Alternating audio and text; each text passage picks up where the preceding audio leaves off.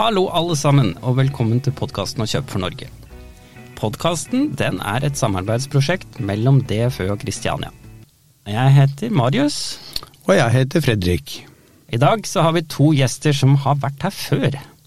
Velkommen, Beatrice fra KS og Oda fra Wiersholm. Eh, kanskje dere kan si bare kort om dere selv, hvis du begynner, Beatrice? Eh, ja, jeg heter Beatrice Dankertsen Henning, og jeg jobber som advokat i KS. Ja, Og Oda? Jeg heter Oda Hellene Sekre og jobber som advokat i advokatfirmaet Wiersholm. Veldig hyggelig å ha dere tilbake. Sist dere var her, så snakka vi om NOU som skulle komme. Men nå er den faktisk her. Det er jo ganske morsomt. Eh, den ble ganske lang. 512 sider. Stort dokument. Eh, så vi rekker sikkert ikke å snakke om alt, men vi tenkte i hvert fall at vi skulle komme gjennom noen sånne sentrale punkter. Men først så er jeg litt spent. Beatrice, du har jo vært med i her lovutvalget. Har du fått noen uh, kommentarer eller reaksjoner i dagene som har gått etter at NOU-en kom ut? Uh, ja, altså Jeg tror jo de færreste egentlig har rukket å lese gjennom uh, alle disse 500 sidene. Men vi følger jo spent med på anbud 365, hvor det skrives flittig. Mm. Men vi har jo fått noen reaksjoner, og det er jo mange som synes at vi har foretatt en del forenklings, eller foreslått en del forenklingsgrep. Det er mange oppdragsgivere som er fornøyd med at man nå har kuttet kunngjøringsplikten på nasjonalt nivå, mm. sånn at man har større frihet. Det er vel også mange som er glade for at vi ikke har stilt oss bak miljøbestemmelsen som kommer fra 1.1. Mm. Um, og så er det vel også en del som er fornøyd med at vi har klart å uh, renske opp i en del uklarheter på EØS-nivå, altså bestemmelsene som ligger der. Mm. Det er bra. Vi, vi, skal innom litt av de temaene etterpå. Men uh, det var greit bare å høre liksom, hva, hva er førstereaksjonen. Uh, Oda, hva tenkte du når du så det her dokumentet for første gang? Jeg tenkte at det var veldig langt. Ja. det var det første jeg tenkte, hvis jeg skal være helt ærlig. Ja.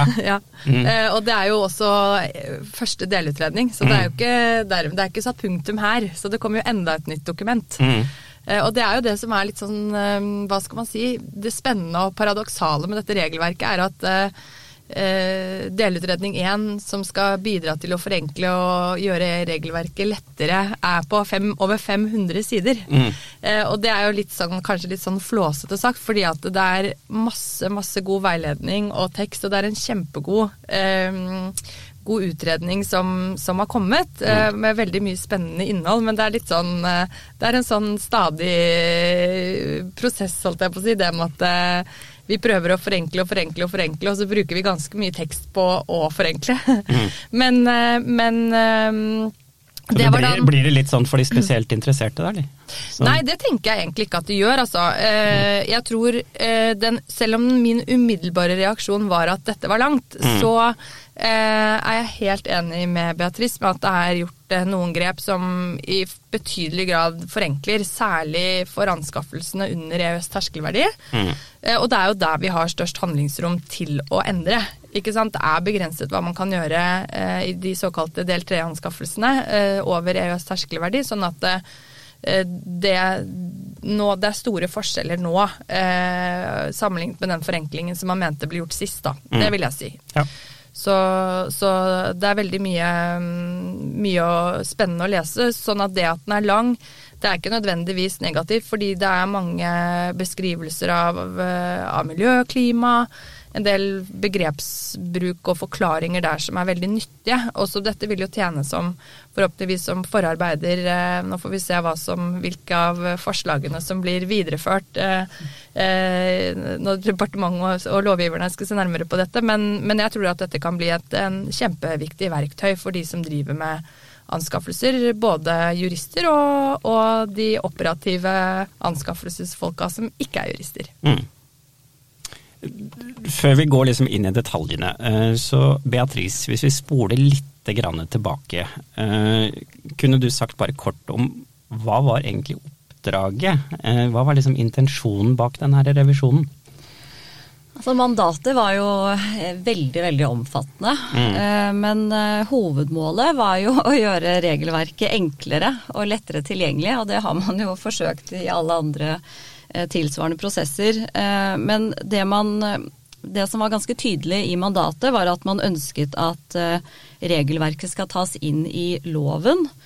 Eh, Det er jo viktig at et nasjonalt regelverk som gjennomfører EØS-regler, inneholder grundige lovforarbeider, eh, som da beskriver EØS-rettens betydning. Eh, Sånn at eh, det var et eh, stort ønske fra, fra regjeringen å få det meste inn i lov uh, istedenfor uh, forskriftsform, sånn som man opererer i dag. Fordi dagens regelverk, altså dagens lov, er jo veldig kort, er i utgangspunktet en hjemmelslov, og så har man forskrifter. Um, um, forskjellige forskrifter, Sant? det er jo ganske fragmentert. Sant? Sånn man ønsker å ha det mer samlet. Eh, og så ønsket man også en materiell forenkling i den nasjonale delen. Mm. Og så var det jo et veldig stort eh, fokus på å styrke klima- og miljøhensyn. Det var ganske klart eh, i mandatet. Og så ønsket man også å ha fokus på å klare å balansere da eh, bærekraft. Altså både økonomisk bærekraft, sosial bærekraft og miljømessig bærekraft. Så det var også ganske tydelige føringer i mandatet. Ja. Mm. Kan dere fortelle litt om hvordan strukturen i regelverket har endret seg? Ja, det er litt som jeg var inne på. Det er jo da at eh, en del av disse bestemmelsene som vi tidligere fant i forskriften, er nå løftet inn i loven. eh, Sånn at man skal eh, finne igjen alt der. Sånn som eh, lønns- og arbeidsvilkår har jo vært i en egen forskrift. Det er nå kommet inn i loven. Eh, Det som er i den klassiske eh, forskrift om offentlige anskaffelser, det er også løftet inn i loven. Selvfølgelig så har man gjort endringer eh, også, men, eh, men hovedgrepet er at man har fått det inn i en eh, lov, da. Mm. Nå har du egentlig sagt litt om det, men, men hvor ble det av forskriften egentlig? Ja, eh, det, ja, de har kommet inn i lov. Vi har liksom, mm. liksom hevet det opp et hakk, eh, Ja. rett og slett. Um, og det, det sikrer jo en mer sånn demokratisk eh, prosess når man har en lovgivningsprosess. Så det er jo sånn sett positivt. Og så er det jo sånn at man nå har jo eh, mer eller mindre foreslått å skrote del to av eh, anskaffelsesforskriften. Eh, så den er jo, hvis Historie. dette kommer gjennom, eh, historie. Mm. Mm. Eh, Du sier at det at noe går fra forskrift til lov, er å gå opp, eh, opp et hakk. Eh, Men er det det det i praksis betyr? For oss som ikke er jurister, Ja. hva betyr det egentlig? Hva er egentlig forskjellen sånn Ja. teknisk skal jeg si, på forskrifter og lover? Ja, altså Lover skal jo vedtas av Stortinget eh, om å gjennom en eh, litt mer utførlig lovendringsprosess. Eh, og man får jo grundige forarbeider. Eh, det det også betyr, er jo at det er vanskelig å gjøre endringer i lovtekster. Eh, forskriftsendringer kan man jo foreta Altså kan jo regjeringen eh, som har blitt gitt hjemmel eh, foreta selv, og så har man jo gjerne høringsrunder. men men eh, ellers er det jo sånn at en lovendrings- eller en lovprosess tar jo lengre tid, da. Ja. Mm. ja. Fint. Dette med økt innslagspunkt til 300 000 kroner, hvorfor ble det akkurat 300, og hvorfor ikke 200 eller 400? Ja, det er et godt spørsmål. Eh, det er jo sånn at eh, man har jo hatt en inflasjonsjustering, eh, og så tenker man at eh, da kan man jo også trå til litt. Og så er det jo et spørsmål skal du ligge på 200, 300, 400, 500. Vi hadde diskusjoner der, og så er det jo noen av oss som kanskje kunne tenke oss et enda høyere innslagspunkt, og så var det noen som ikke ønsket eh, å gå fullt så høyt som 300, sånn at eh, til syvende og sist så ble vel det et eh, lite kompromiss. Og uten at det er så viktig at man kanskje tenker å ta en dissens på det. Men det er jo selvsagt sånn at man kan gi innspill på om det er riktig plassering nå, som det Mm. er da denne NOU-en er ute på høring. Mm. Hva tenker du om eh, innslagspunktet, Oda? Jeg tenker at det er helt fint å øke det til eh, i hvert fall 300 000. Um, og det tenker jeg også handler litt om forenkling, rett og slett. At eh, for at eh, det offentlige skal pådra kostnader og ressursbruk for å gjennomføre anskaffelsesprosesser i henhold til de reglene som følger av anskaffelsesregelverket, så, så tenker jeg at da, da bør anskaffelsene være av en viss verdi eh, for at det skal være forholdsmessig og regningssvarende. Mm. Sånn at det, jeg tenker det er helt supert å få, få økt det litt. Mm.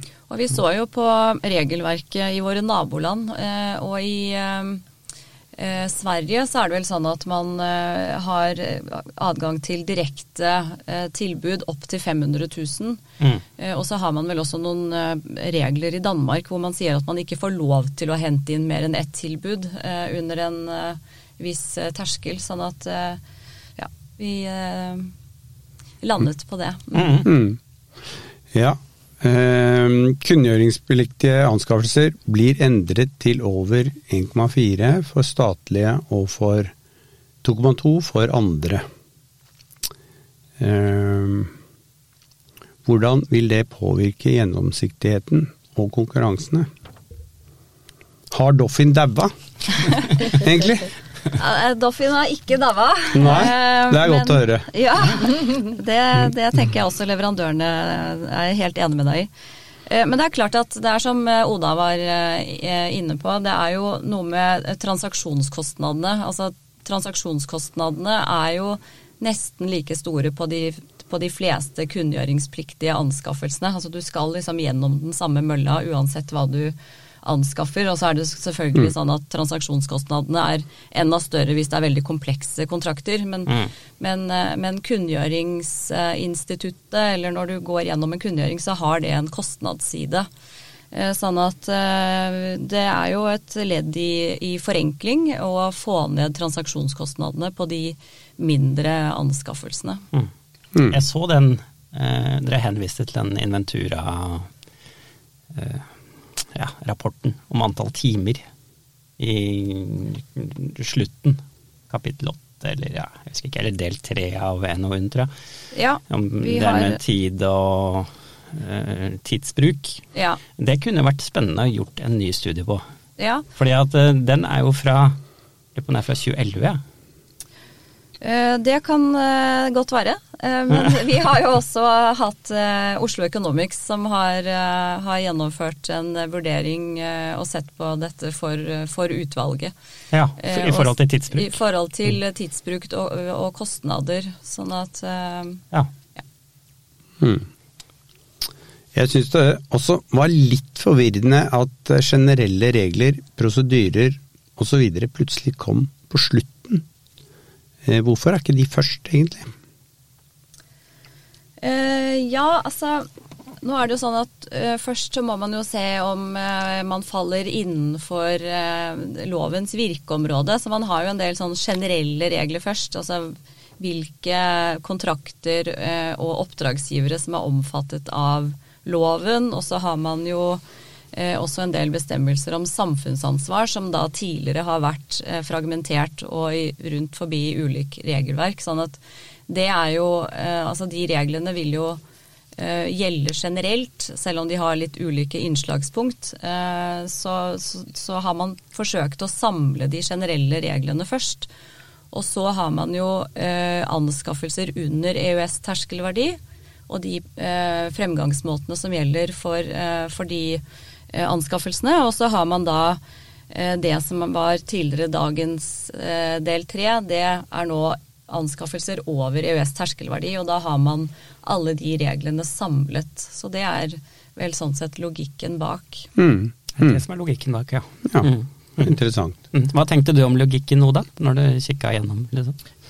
Nei, det var jo i og for seg en litt sånn uvant eh, metodikk når man da samler det som tidligere var i loven og i forskriften. Fordi loven sånn overordnet sett før var jo ganske sånn oversiktlig og grei, og dette er, de eller dette er formålet, og så har vi de grunnleggende prinsippene, og så er det disse miljø- og menneskerettigheter og samfunnshensynene som skal ivaretas. Mm. Mens nå den logikken som Beatrice beskriver, den er på mange måter nødvendig i lys av utvalgets forslag. Mm. Eh, fordi at den første delen, den gjelder for alle. Mm. Eh, jeg ville jo sånn umiddelbart intuitivt tenkt at det er ulogisk å ha de grunnleggende prinsippene i del tre, men de skal jo på Eller nå, nå heter det ikke de grunnleggende prinsippene lenger heller. men at nå som de eh, prinsippene for offentlige anskaffelser skal gjelde eh, for bare, for, bare, for, anskaffelser over EØS terskelverdi, så må de nesten stå der. Hvis ikke så hadde det blitt veldig ulogisk om de sto eh, i kapittel én, og så gjelder de egentlig bare for kapittel tre. Mm. Eh, sånn at eh, det, det, er nesten den, det er en logisk metodikk å følge. Ja. Eh, mm. Egentlig når man ser på hvordan eh, lovforslaget er inndelt. Mm. mm. mm. I mange rapporter og utredninger er kompetanse nevnt som en nøkkelfaktor. De fleste offentlige innkjøpere har LOA og FOA i ryggmargen. Nå gjøres det ganske store strukturelle endringer. Må vi alle ta nye kurs, skrive, skrive nye veiledninger og lage nye utdanningsopplegg? Hvordan blir det? Ja, heldigvis så kan vi bygge videre på den gode kompetansen som er rundt forbi her. Det er ikke sånn at uh, at vi alle trenger eh, voldsomt mange nye kurs og opplæring. Men det er klart at det vil jo bli noen endringer. Eh, det er jo som eh, Oda påpekte, så vil jo de det som vi kjenner som i dag grunnleggende prinsipper, de heter nå bare prinsipper for offentlige anskaffelser. og De er også litt endret. De vil bare gjelde for over EØS terskelverdi. sånn at den eh, nedfallstankegangen eh, som man har brukt på nasjonale regler, den må man legge bort. Eh, og det har man jo valgt bevisst, fordi at eh, det er jo det som har vært litt sånn problemet med hvordan man tolker den nasjonale delen av regelverket, er jo at man innfortolker eh, de EØS-rettslige bestemmelsene inn i både del 1 og del 2 eh, sånn at du får en sånn sett overimplementering av EØS-reglene. Så der må man jo eh, sånn sett tenke litt nytt. Eh, og så vil det jo være andre regler for nasjonale eh, anskaffelser nå. Eh, del tre skal i all hovedsak være eh, sånn som, det, sånn som man kjenner det. Men man har jo foretatt noen endringer der og noen presiseringer.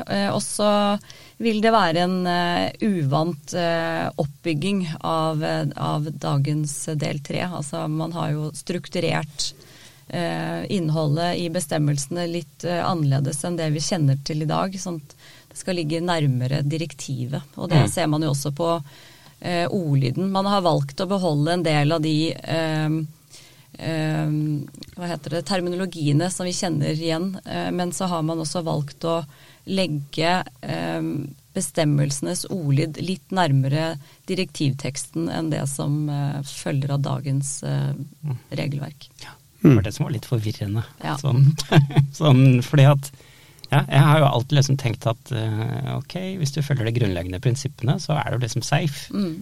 Fordi at det gjennomsyrer jo veldig mye av liksom resten. Mm. Eh, og det pleier jeg å si til studentene òg, at ok, lær dere de prinsippene her, så, så, faller liksom resten av ting. Da vil det gå da vel? Eh, ja, ikke nødvendigvis bare vel, men da faller liksom resten faller litt sånn logisk på plass, da. Mm. Fordi at hvis du skjønner liksom logikken i de, mm. da, da, da faller liksom resten litt av seg selv, selv om det er mye detaljer. Det blir jo litt sånn spennende nå, da, fordi ja. at uh, selv om de, de, det man nå fremdeles da omtaler som de grunnleggende anskaffelsesrettslige prinsippene inntil et nytt regelverk eventuelt er uh, på plass, mm. uh, de, de, har jo vært gjeldende for alle kontrakter som inngås i medhold av anskaffelsesregelverket. Mm. Mens nå vil man jo det er jo ikke sånn at det ikke skal gjelde noen som helst prinsipper ved inngåelse av kontrakter under EØS terskelverdi. Så nå har jo utvalget heller vist til mer sånn generelle forvaltningsrettslige prinsipper. Da. Så mm. da må jo de offentlige oppdragsgiverne nå eh, forholde seg til Noe av det er jo ganske sånn likeartet, men det er allikevel forskjellig terminologi på en del ting. Og det er forskjeller på de grunnleggende anskaffelsesrettslige prinsippene og grunnleggende forvaltningsrettslige prinsipper, så da vil man jo få en ny Det må man jo lære Mm. seg, da, eh, som oppdragsgiver Absolutt. nå. Um, så da får man to sett med prinsipper som man da må forholde seg til som oppdragsgiver. Mm. Avhengig av hvor man er i regelverket eller på terskelverdi. Ja. Ja, og det diskuterte vi mye, og det er jo klart at uh, vi var liksom ikke helt sånn udelt enig i det grepet med en gang.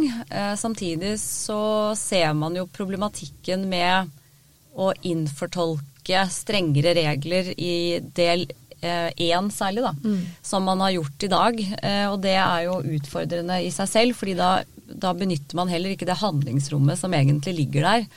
Eh, Men det er jo, ligger jo også i forvaltningsrettslige prinsipper et krav til saklighet, eh, likebehandling. Så en del av de eh, måtene å tenke på som ligger der allerede i dag, vil jo forbli den samme. Men samtidig så, så slipper man den Ja, men du kan ikke gjøre det etter del tre, så da har du heller ikke lov til å gjøre det etter del én. Jo, du kan faktisk det fordi vi har ikke innført de bestemmelsene. Nei. Skjønner. Nei, men det var litt oppklarende. For det syns jeg var litt sånn Det var litt vanskelig å skjønne sånn ved første Når en, når en leste. Uh, men så, eh, hvis vi går over til den her formålsbestemmelsen, da. For den er også ny. Eh, og da er vi jo liksom så vant til å tenke at ok, det er effektiv Setning én er liksom effektiv bruk av samfunnsressurser, ikke sant. Og så, ja, og så videre. Eh, Oda, du snakka litt sist om at det viktigste formålet var det, var det her, ikke sant? Eh, med effektiv bruk. Og det andre, det var sideformål, hvis jeg husker riktig. Eh, hva tenker du nå om det nye forslaget til formålsparagraf? Nei, jeg tenker eh, at i lys av de signalene som ligger i mandatet eh, til anskaffelsesutvalget, så er det ingen overraskelse at eh, den formålsparagrafens første ledd er formulert sånn som den er formulert. Og, og jeg tenker i lys av de utfordringene vi står overfor innenfor særlig for klima og miljø, så tenker jeg på mange måter også at det er helt på sin plass at at det nevnes der. Eh, fordi selv om, som vi har, og det var jo for så vidt anskaffelse, altså det forenklingsutvalget fra 2014, og, og det som jeg også nevnte i den forrige podkasten med å bruke terminologien sidehensyn, det er på mange måter litt misvisende, fordi det handler egentlig bare om å skille eh, det grunnleggende formålet bak, eller det opprinnelige formålet bak regelverket, tror jeg vi heller kan si det anskaffelsesregelverket, som var å gjennomføre anskaffelser eller inngåelse av offentlige kontrakter ressurseffektivt, og effektiv bruk av samfunnets midler. Um, men sånn som samfunnsutviklingen har vært, eh, og de politiske signalene som nå foreligger eh, for å ivareta en kjempeutfordring eh, med, med klimaendringene, så, så tenker jeg at det, det, det første leddet er, eh, er veldig fint formulert, og at, eh, at anskaffelsesregelverket skal fremme effektiv og bærekraftig bruk av samfunnets ressurser. Mm. Og så eh, tenker jeg vel kanskje at jeg syns at annet ledd er litt langt. Eh, fordi at eh, formålsbestemmelsen skal jo angi hva, en, hva gjennomføring av regelverket på mange måter over tid skal lede til, uten at det skal nødvendigvis brukes som en sånn bestemmelse som man utleder konkrete rettigheter og plikter av direkte. Um, og så er det jo da i annet ledd vist til at, um, at de- det å fremme effektiv og bærekraftig bruk av samfunnets ressurser er jo da ikke uttømmende listet opp med åtte punkter, eh, som, man, som er fanget opp igjen i paragraf 2.1, hvor det står at oppdragsgiver skal innrette sin anskaffelsespraksis slik at samfunnshensynene nevnt i 1.1 varetas. Eh, og det skal man da ha oppdaterte rutiner for. Og da må man tilbake igjen i 1.1 for å finne ut av hva slags rutiner man skal lage. Og så er det en punktliste på åtte punkter der som ikke er uttømmende. Så, så, så den tenkte jeg kanskje sånn eh, umiddelbart at, eh, at kanskje er litt lang, selv om det er helt utvilsomt sånt at det som står der og de hensynene som er nevnt der, er jo kjempeviktige og veldig legitime hensyn som absolutt skal ivaretas. Eh, Men om akkurat det er noen forenkling der, det er jeg kanskje litt mer usikker på. Men det, var, der, det er kanskje ikke der forenklingsskoen trykker mest. Der trykker skoen mest på at, eh, at anskaffelsesregelverket bidrar til å oppfylle de eh, samfunnshensynene knyttet til klima, miljø, menneskerettigheter, sosiale forhold osv. som nå eh, vi bare skal legge til grunn at det er en viktig del eh, av det offentliges innkjøpsprosesser også. Mm. Ja, innovasjon var kommet inn der også. Um, så var jeg litt usikker på om det var egentlig et mål eller et virkemiddel, men det, ja, det er en annen diskusjon. Men det så det jeg i hvert fall tenkte over når jeg leste det, var at det sto blant annet. Eh, Dette innebærer blant annet at loven skal bidra til. Eh, Hva betyr egentlig blant annet? Sånn Det betyr at ikke det er uttømmende. Ja. Eh, Men man har jo flere mål da, med anskaffelsesregelverket. Og så er det ikke sånn at alle disse målene oppnås i hver eneste anskaffelse. Men, men det er jo dette man ønsker eh, å synliggjøre. Og det, det er jo som eh, Oda sa, det var et ganske tydelig eh, mål i mandatet. Eh, altså hvilken retning man skal trekke dette anskaffelsesregelverket. Men vi har jo hatt noen diskusjoner på, på denne bestemmelsen, og jeg er vel enig i at den er ganske lang. Eh, men det var jo da også viktig å få frem eh, de ulike hensynene man skal ta. Mm. Fordi at en del av disse hensynene vil jo trekke i ulik retning.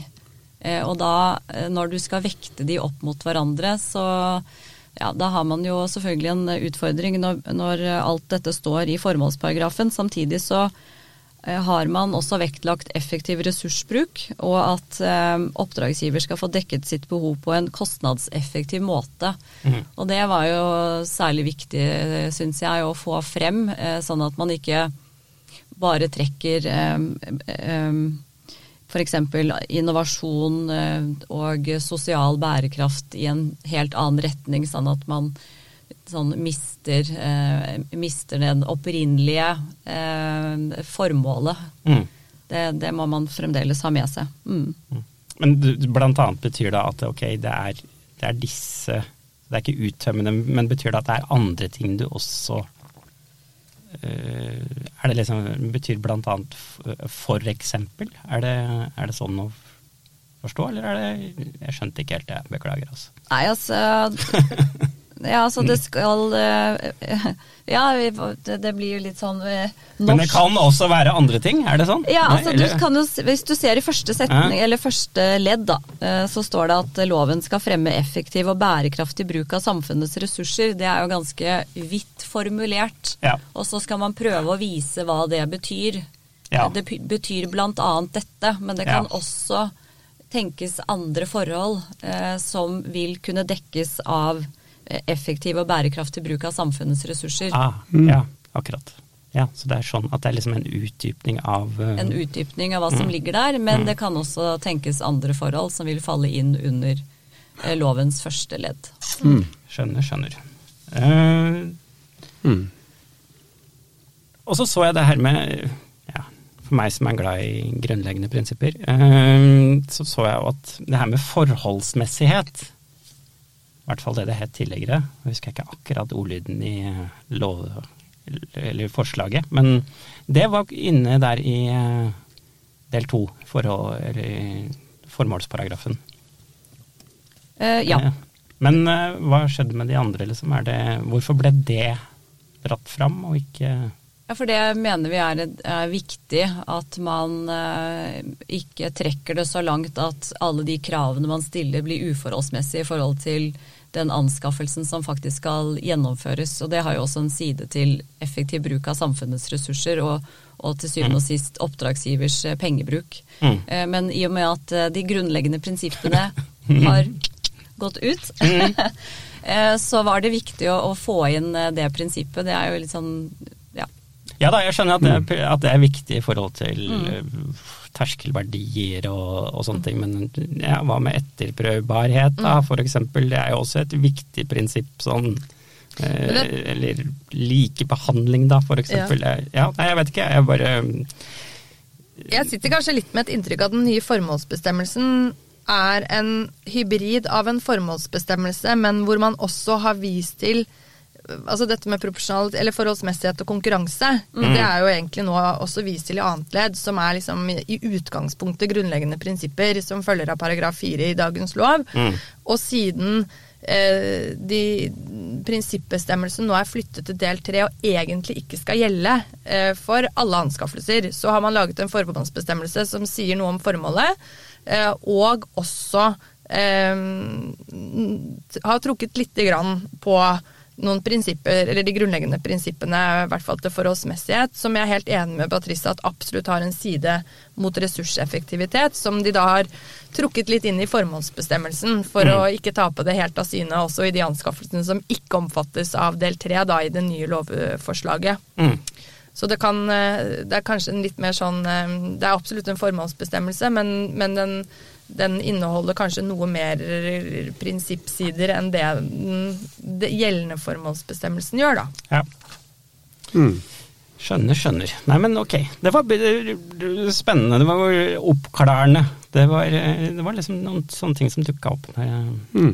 jeg, leste, men det var um, Tusen takk. Jeg lurer på om vi avslutter del én der, jeg. Podkasten blir ofte så lange for dere som sitter og hører på. sånn at uh, hvis vi sier at dette er del én, og så avslutter vi der, og så kommer vi øyeblikkelig tilbake eh, med del to.